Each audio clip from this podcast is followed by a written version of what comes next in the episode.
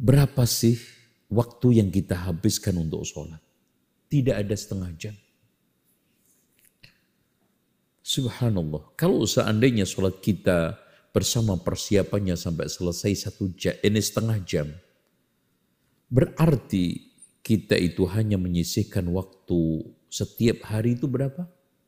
Hanya lima jam ya ikhwan. Hanya lima jam. Atau dua setengah jam, maaf, dua setengah jam. Bandingkan sekarang duduk-duduk kita di kafe. Obrolan kita bersama teman kita. Apalagi sekarang duduk simpuh kita dengan khusyuk di depan televisi dengan remotenya. Berapa lama? Bandingkan. Kalau memang begitu, kenapa kita sekarang ingin segera menyelesaikan keluar dari sholat? Seakan tidak tahan dengan beban sholat. Seakan ingin cepat lepas tangan, cuci tangan dari beban sholat ini.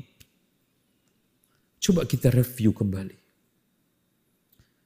Sementara selain sholat, mungkin belum kita bisa andalkan sodakoh kita, puasa kita, haji kita, umroh kita, jihad kita, bacaan hafalan Al-Quran kita.